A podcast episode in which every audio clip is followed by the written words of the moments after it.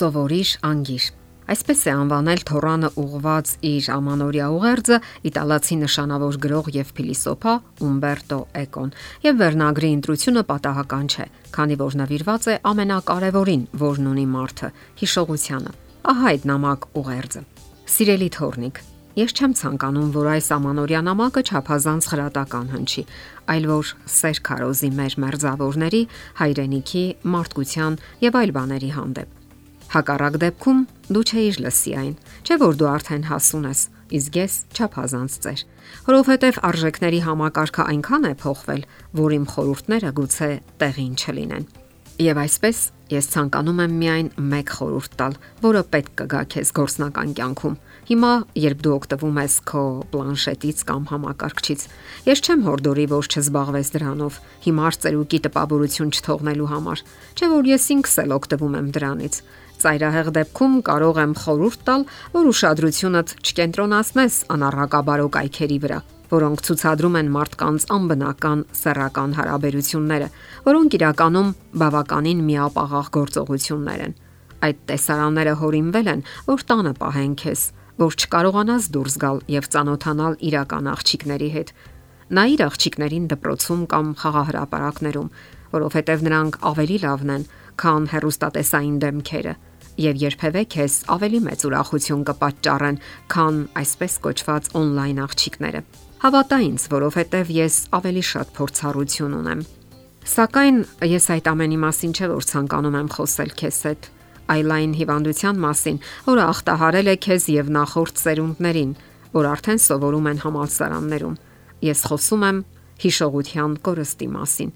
Ճիշտ է, եթե դու ցանկանաս իմանալ, թե ով է Կարլոս Մեծը, կամ որտեղ է գտնվում Կուալա Լումպուրը, ապա կարող ես սեղմել կոճակը եւ անմիջապես ամեն ինչ իմանալ համացանցից։ Արա դա երբ քեզ անհրաժեշտ է, սակայն երբ ստանաս տեղեկությունը, ձգտիր հիշել նրա բովանդակությունը, որ երկրորդ անգամ չորոնես այն, երբ այդ գիտելիքները պետք կան քեզ։ Վատն այն է, որ գիտակցությունն այն բանի, որ համակարգիչը ցանկացած պահի կարող է պատասխանել քո հարցին, վանում է քեզնից տեղեկատվությունը հիշելու ցանկությունը։ Այդ երևույթի համար կարելի է բերել հետևյալ համեմատությունը։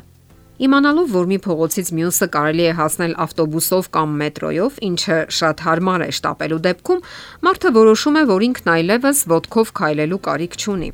Սակայն եթե դու դադարես քայլել, ապա կվերածվես մի մարդու, ով հարկադրված է տեղաշարժվել հաշմանդամի սայլակով։ Ես գիտեմ, որ դու զբաղվում ես սպորտով եւ կարողանում ես ղեկավարել քո մարմինը, սակայն վերադառնանք քո ուղեղին։ Հիշողությունը նման է քո ոտքերի մկաններին։ Եթե դու դադարես վարժեցնել այն, ապա դրանք կլխկեն Դրանից բացի մենք բոլորս ենթակա ենք ծեր ժամանակ այցհեյմերի հիվանդությամբ հիվանդանալու վտանգին, եւ այդ տհաճությունից խուսափելու եղանակներից մեկը մեր հիշողությունը մշտապես վարժեցնելն է։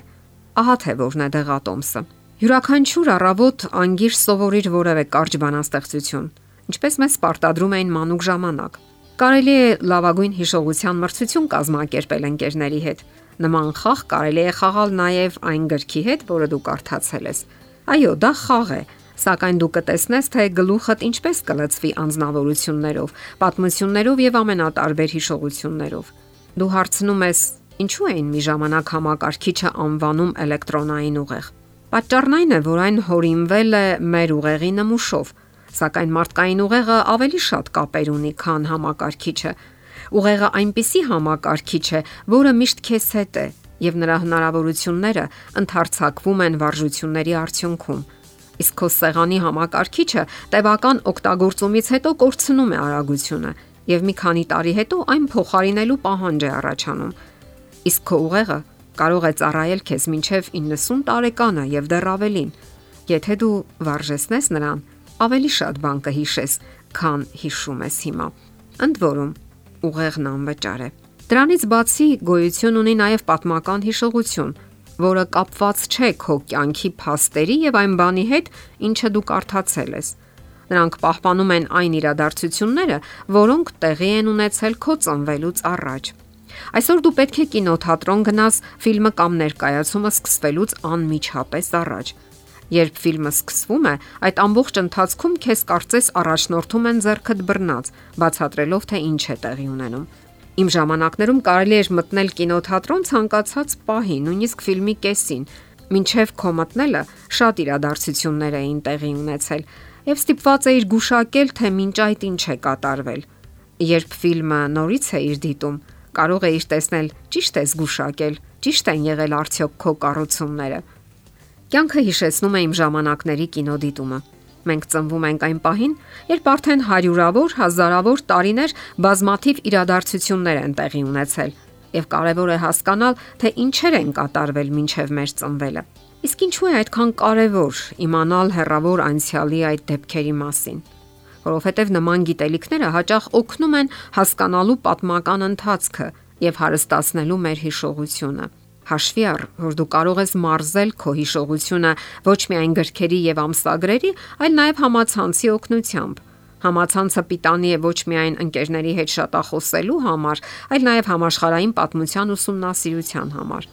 Ովքեր են եղել խեթերը, ինչպես են կոչվել Կոլումբոսի 3 նավերը։ Երբ են ոչնչացել դինոզավրերը։ Արդյոք նավապետ ուներ Նոյան տապանը։ Ինչպես էր կոչվում Ցուլի նախապապը։ Արդյոք 100 տարի առաջ ավելի շատ վագրեր կային, քան հիմա։ Իսկ դու գիտես Մալիի կայսրության մասին։ Ո՞վ է պատմել նրա մասին։ Ո՞վ է եղել պատմության մեջ պապականության երկրորդ պապը։ Երբ է ստեղծվել Միքի Մաուսը։ Ես անverջ կարող եմ շարունակել հարցերը, եւ դրանք հրաշալի նյութեր կլինեն հետազոտության համար։ Այդ բոլորը հարկավոր է հիշել։ Կգա այն օրը, երբ դու կծերանաս, սակայն դու կզգաս, որ ապրել ես հազարավոր կյանքեր եւ նույնիսկ ինքդ ես մասնակցել Վաթերլոյի ճակատամարտին, ներկա ես եղել Հուլիոս Կեսարի սպանությանը, եղել ես այնտեղ, որտեղ Բերտոլդ Շվարցը Անոթի մեջ խառնելով տարբեր նյութեր, փորձելով ոսկի ստանալ, Պատահաբար նա հայտնագործեց վառոդը եւ օդ թռավ։ Իսկ կոմյուս ընկերները, ովքեր չեն ձգտում հարստացնել իրենց հիշողությունը, կապրեն ընդամենը մեկ՝ իրենց սեփական կյանքը՝ միապաղաղ եւ զուրկ մեծ հույզերից հարստացրու քո հիշողությունը եւ վաղը անգիր սովորիր լավի սպա Թերեզա ստեղծագործությունը եթերում է ընտանիք հաղորդաշարը ձեզ հետ է գեղեցիկ մարտիրոսյանը